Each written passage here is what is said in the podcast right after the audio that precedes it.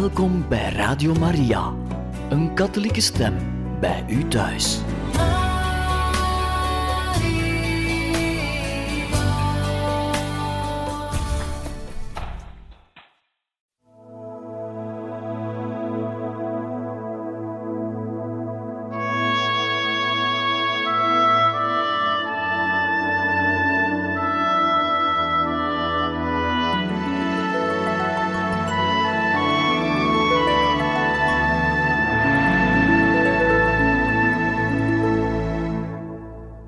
Beste luisteraars van Radio Maria, welkom in het programma Heiligen Getuigen.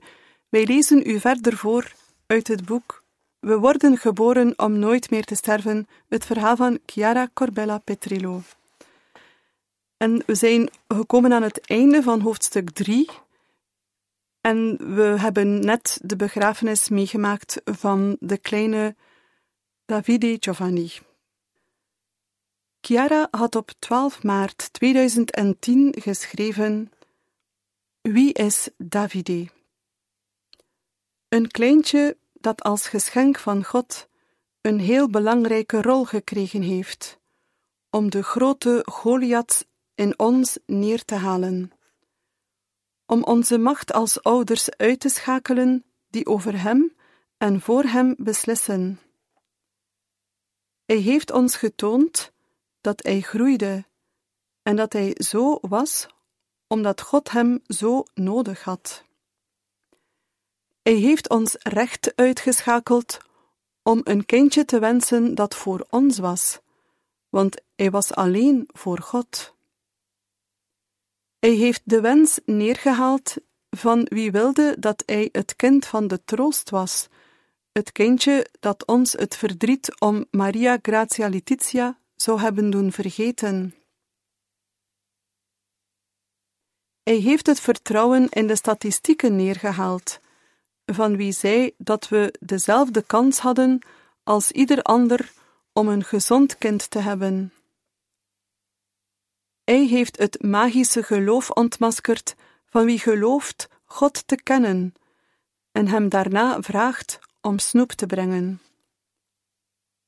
Hij heeft getoond dat God wonderen doet, maar niet met onze beperkte logica, omdat God groter is dan onze verlangens.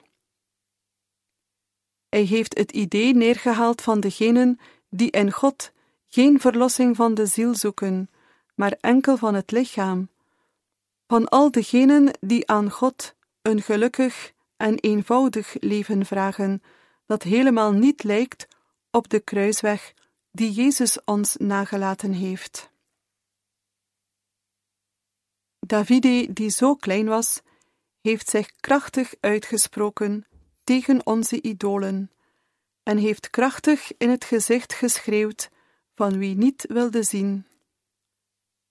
Hij heeft velen gedwongen om dekking te zoeken, omdat ze niet erkenden dat ze overwonnen waren. Maar ik dank God dat ik door de kleine Davide verslagen werd. Ik dank God dat de Goliath die in mij was, nu eindelijk dood is, dankzij Davide. Niemand is erin geslaagd om mij ervan te overtuigen dat wat er gebeurd is een tegenslag was. Dat het voortvloeide uit het feit dat we verwijderd waren van God, zelfs al was het misschien onbewust. Ik dank God omdat mijn Goliath eindelijk dood is en mijn ogen vrij zijn om verder te kijken en God te volgen zonder bang te zijn om wie ik ben. Chiara maakte de genezing van de wil door, net zoals de gebrekkige aan het bad van Bethesda. De kleine Davidi bracht haar een rijp geloof. God had altijd de controle. Er was geen enkele fout. Het lichaam van Davide Giovanni was een vorm van zijn liefde. Het toonde de bijzondere manier waarop alleen hij kan liefhebben.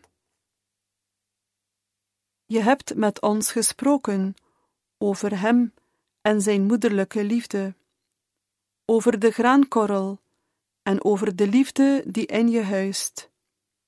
Je hebt ons geleerd dat liefde niets onvolmaakt schept.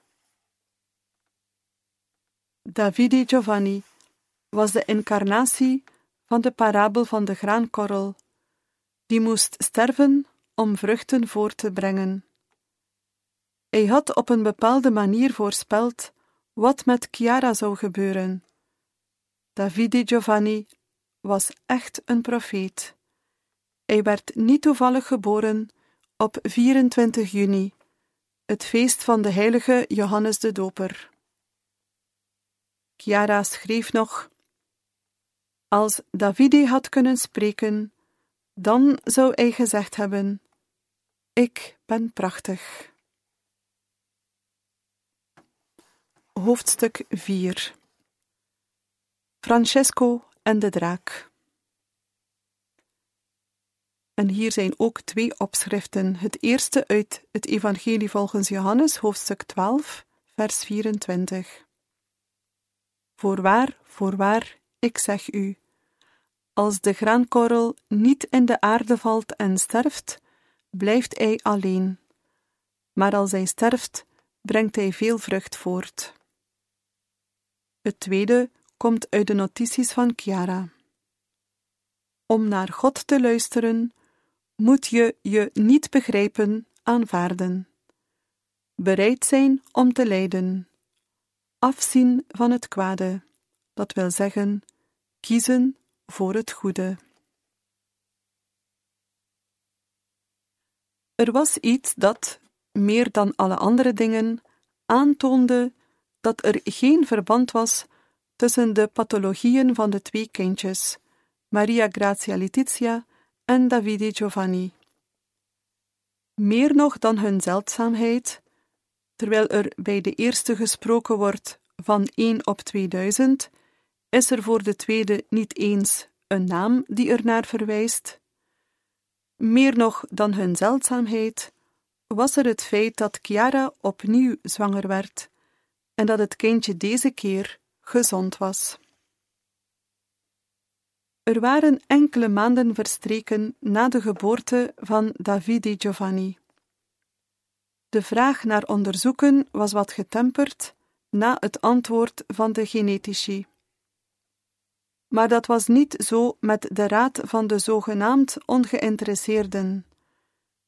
De wens om opnieuw zwanger te worden was groot, maar er waren veel aanvallen van buitenaf.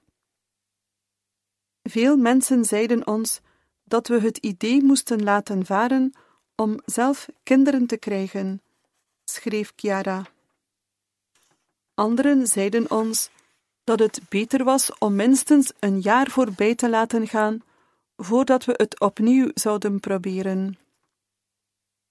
Maar elke keer dat we dachten dat wij moesten wachten om de mensen om ons heen een plezier te doen, voelden we ons leeg en triest. Chiara en Enrico keken elkaar aan en vroegen zich af: Maar waarom moeten we wachten? Ze besloten om deze droom toe te vertrouwen aan een persoon die erover kon waken en hem beter dan wie ook kon verdedigen aan de Maagd Maria. Als dit verlangen van God kwam, zo dachten ze, dan zou niemand die wens van hen kunnen wegnemen, noch verhinderen dat deze gerealiseerd werd. Het woord dat Chiara gebruikte als een licht op haar pad schitterde meer dan ooit. Als God opent, kan niemand sluiten. Zo hebben we tijdens de tocht van de zeven kerken besloten om dit verlangen aan God toe te vertrouwen, zodat Hij ons kon leiden met Zijn wijsheid, ging Chiara verder. En het antwoord liet niet lang op zich wachten. Het bleek dat we opnieuw met z'n drieën waren. De tocht van de zeven kerken is een van de mooiste pelgrimstochten die je in Rome kunt maken. De tocht wordt zo genoemd omdat het de bedevaartgangers s'nachts al wandelend de zeven jubileumbasilieken van de stad bezoeken, waaronder de Sint-Pietersbasiliek, Sint Paulus buiten de muren en de Santa Maria Maggiore. Het is een tocht van bijna 20 kilometer die twee keer per jaar plaatsvindt, in mei en in september. De tocht wordt gelinkt aan de heilige Philippus Neri, maar hij heeft de tocht niet bedacht. In werkelijkheid heeft deze heilige een heel oude traditie weer opgenomen, en hij heeft er een nieuwe schwung aangegeven, die het voordien niet had. Chiara en Enrico hadden de tocht in september gekozen om hun verlangen aan de Heilige Maagd toe te vertrouwen. Aan de kribbe van Jezus in de basiliek van Santa Maria Maggiore vroeg Enrico het geschenk van een ander kind. Een paar dagen later was Chiara opnieuw zwanger.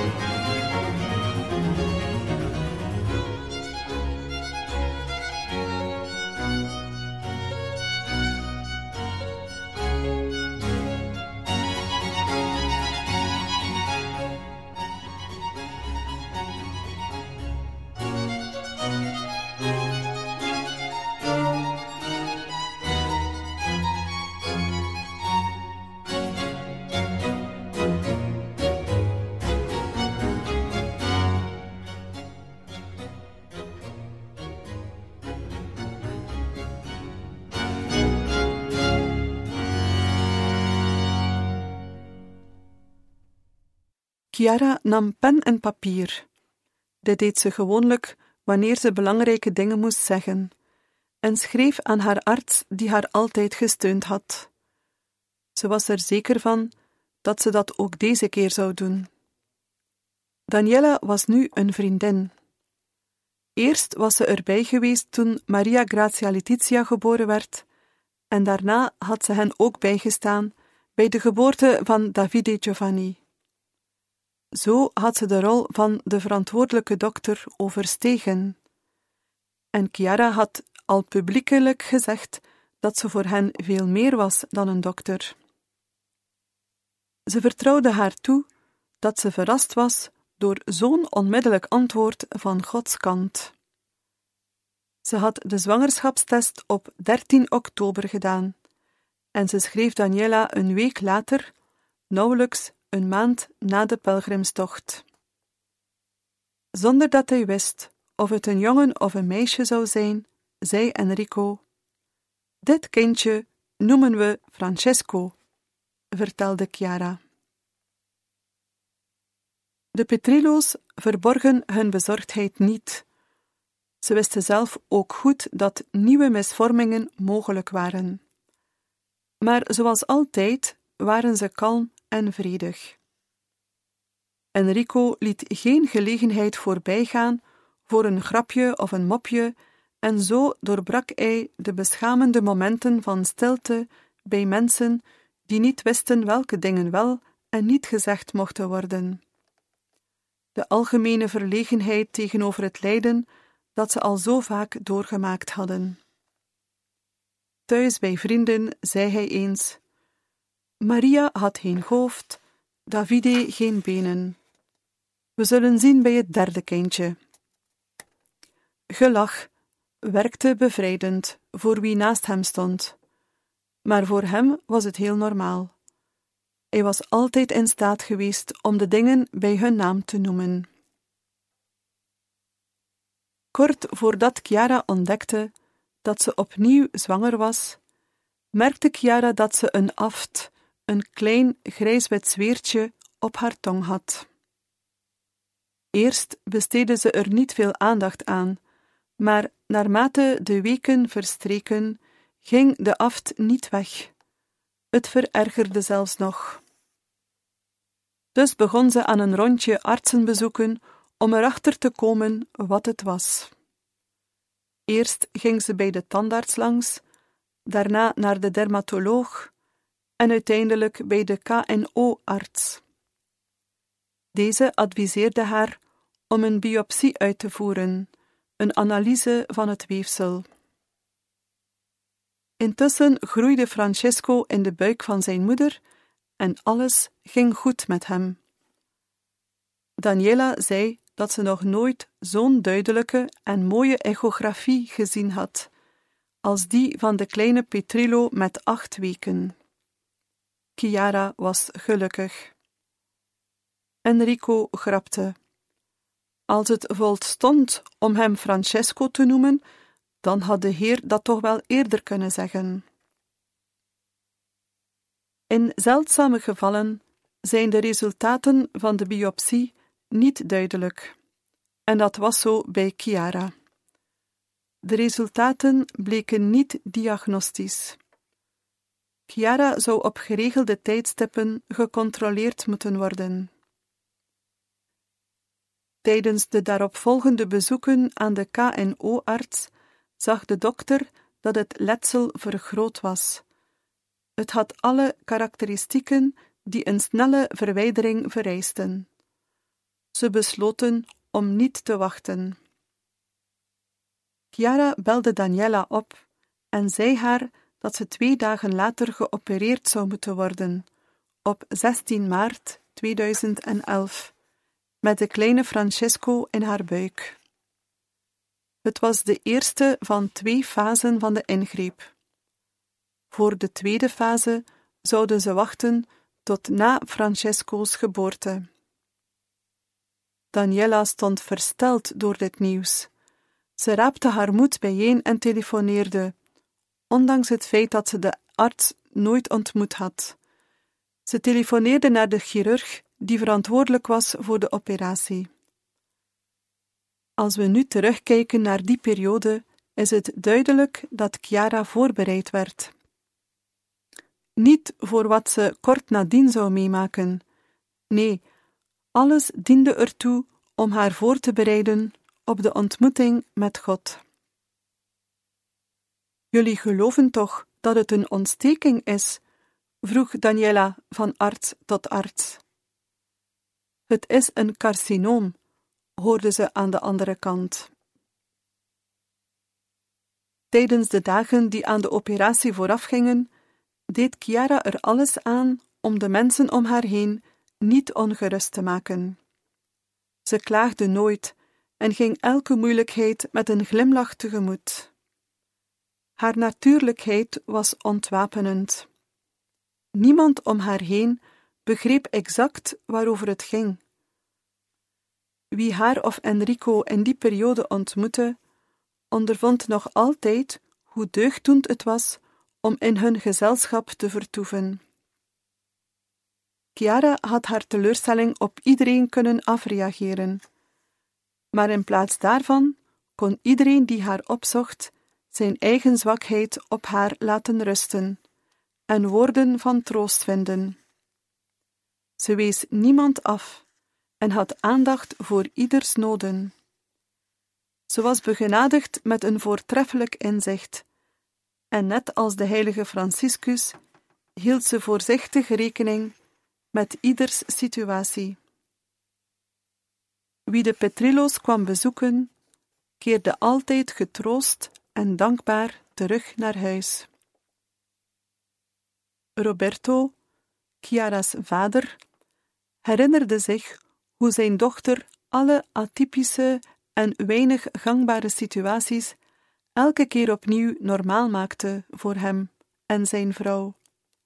Haar vreugde en haar bekwaamheid om in het hart van mensen binnen te gaan, om van kleins af aan het beste in hen naar boven te halen en zichzelf continu in dienst te stellen van anderen, waren ook nu intact. Meer zelfs, ze toonde nog meer kracht dan voorheen. Op 16 maart was Daniela bij Chiara. Ze was erin geslaagd om zich te laten vervangen in het ziekenhuis waar ze dienst deed. Ze zou op afstand niet kalm gebleven zijn, ook al hadden Chiara en Enrico haar gezegd dat ze zich geen zorgen hoefde te maken en dat ze al zoveel voor hen gedaan had. Ze dacht dat ze op zijn minst Enrico een beetje gezelschap zou kunnen houden, die buiten de operatiezaal wachtte en bad. Toen ze in het ziekenhuis aankwam, vond ze Chiara en Enrico al in de kamer alleen. Ze begroetten elkaar en begonnen samen te bidden. Aangezien het nog vroeg was, baden ze samen de Louden, het ochtendgebed, gevolgd door het getijdengebed dat ze hadden leren opzeggen in Assisi. Daarna praten ze wat, in afwachting dat ze Chiara vanuit de operatiezaal kwamen oproepen voor de ingreep. Ze onderhielden zich als vrienden, alsof alles normaal was en het een gewone situatie was, en ze slaagden er zelfs in om grapjes te maken. Daniela zei haar dat ze zich geen zorgen moest maken. Zij zou Enrico gezelschap houden, en daarna kwamen de artsen Chiara roepen. Het moment was aangebroken.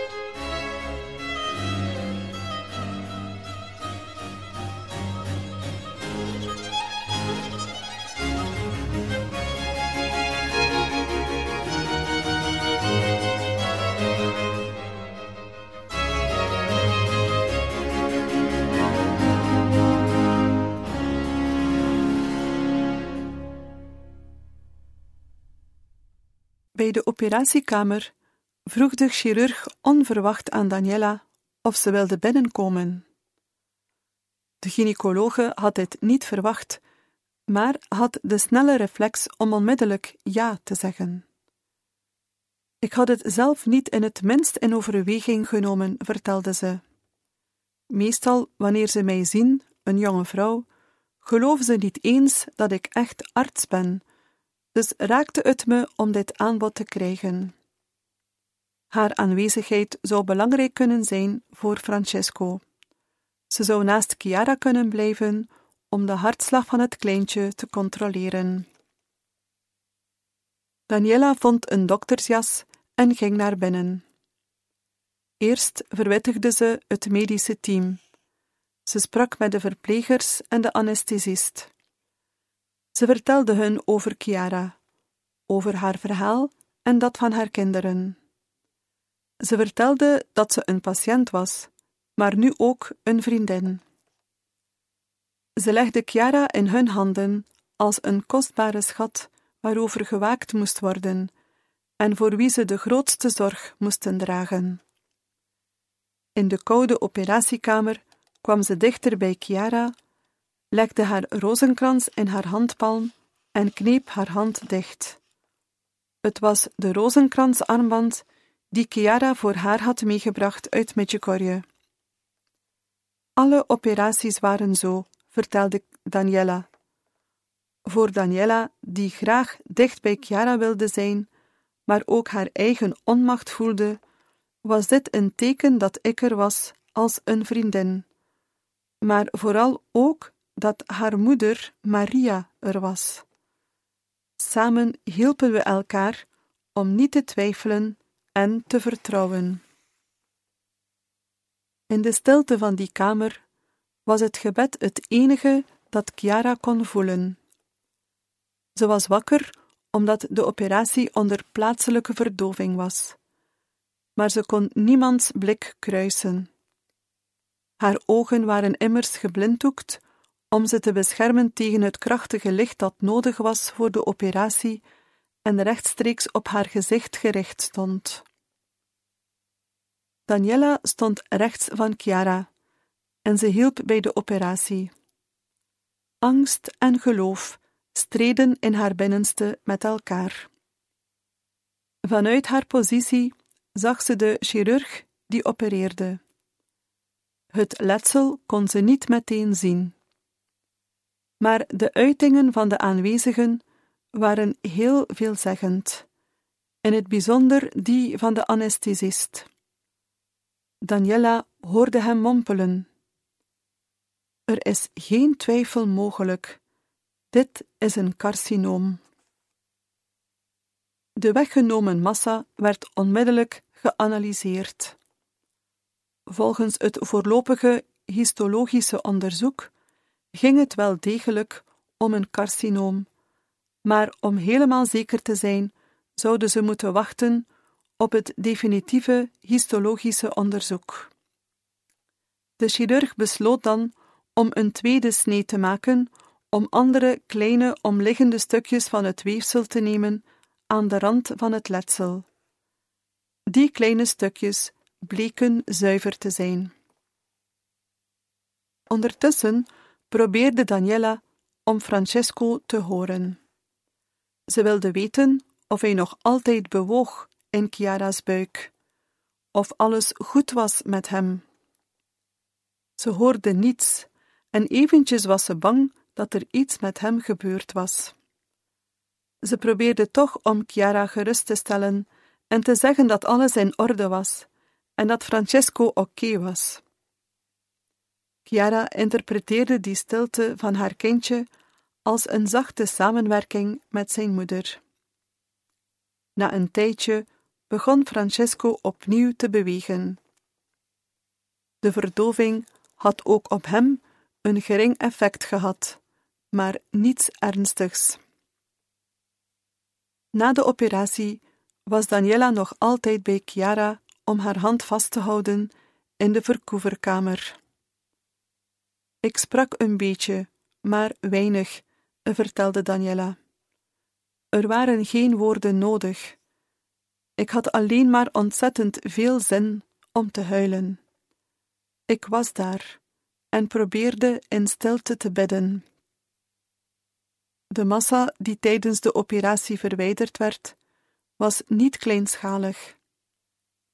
Intussen stonden ook de ouders van Chiara buiten naast Enrico te wachten. Toen Daniela naar buiten kwam, zag ze hen staan, en terwijl ze een glimlach forceerde, zei ze hun dat de operatie zonder complicaties verlopen was en dat Chiara snel naar haar kamer zou terugkeren. Ze vertelde hun dat ze nog moesten wachten op het definitieve histologische onderzoek. Later herhaalde ze deze woorden ook aan Enrico, toen hij haar op het einde van die lange dag met de auto naar huis vergezelde. Is het een tumor? vroeg Enrico. Ik zei geen ja en geen nee, vertelde Daniela, want ik kon niet liegen. Na de operatie kon Chiara niet spreken en ze had heel veel slikproblemen.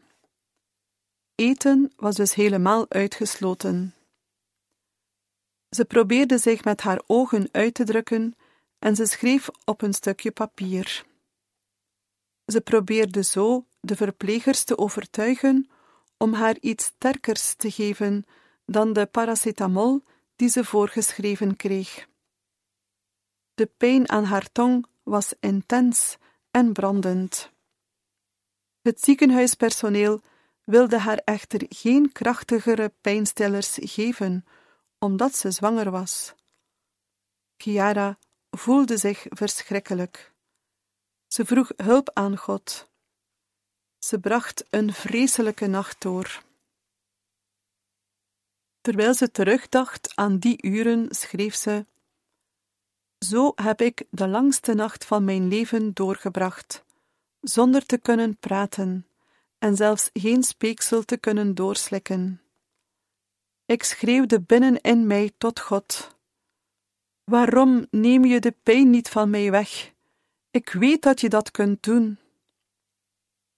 Op een bepaald moment, in de greep van de waanzin, zei ik tot mezelf: God bestaat niet, anders zou hij mij dit niet aandoen. Maar op dat ogenblik voelde ik een sterke pijn in mijn hart en voelde ik mij alleen, zo alleen als nooit tevoren. En ik was verdrietig, omdat ik zo gedacht had. Op een bepaald moment, nadat ze deze woorden gezegd had, ervoer Chiara een ander lijden. Ze herkende een pijn die nog dieper ging. De pijn van iemand die zich verlaten voelde aan het kruis. Jezus pijn. Het was een geloofsbeproeving. Bijna een jaar later, toen ze voelde dat haar bruidegom haar zou komen halen, zou het juist die nacht zijn die de angst in haar hart deed herleven. Ze vreesde de pijn, niet de pijn die voortkwam uit het lijden op zich, maar uit de twijfel die ze in staat was geweest te insinueren, de twijfel die haar vertrouwen in God had doen wankelen. Haar Heer is een goede vader, die zijn zoon gezonden had om uit liefde te sterven, en ze kon niet aanvaarden het tegendeel te geloven. Voor Chiara was het de enige beproeving van die aard. Toen Enrico s'morgens aankwam, was ze net in slaap gevallen. Toen ik wakker werd, ging ze verder, was Enrico naast mij de Fonti Francescani aan het lezen. Haar ogen gingen net open op het moment dat haar echtgenoot de prachtige woorden van Sint Franciscus over de perfecte vreugde uitsprak. De ontdekking van Gods wil in tegenspoed, van een liefde die de pijn het hoofd biedt en die het slechte in het goede kan veranderen. Voor Chiara voelde het onwerkelijk aan. Ze dacht onmiddellijk dat God haar niet verlaten had, ook al had ze die nacht niets begrepen en had ze hem zelfs verstoten. Voor Chiara was het prachtig om te zien dat hij haar bleef liefhebben via de persoon die hij naast haar had gezet. haar pijnlijke ervaring van de donkere nacht van het geloof, de geestelijke dorheid die ze in de voorafgaande uren beleefde, was voorbij. Een van de eerste dingen die ze duidelijk maakte aan haar echtgenoot was dat ze het ziekenhuis wilde verlaten. Nog langer blijven leek haar onnodig. Toen ze buiten waren, schreef Daniela haar een pijnstiller voor, die doeltreffender werkte dan de medicijnen die ze al genomen had. Dit geneesmiddel hielp haar enorm. Chiara bleef Daniela lange tijd dankbaar voor dit schijnbaar onbelangrijke, meelevende gebaar. Beste luisteraars van Radio Maria, wij beëindigen hier voor vandaag het voorlezen uit het boek We worden geboren om nooit meer te sterven, het verhaal van Chiara Corbella Petrillo. Wij danken u heel hartelijk voor het luisteren en graag tot een volgende keer.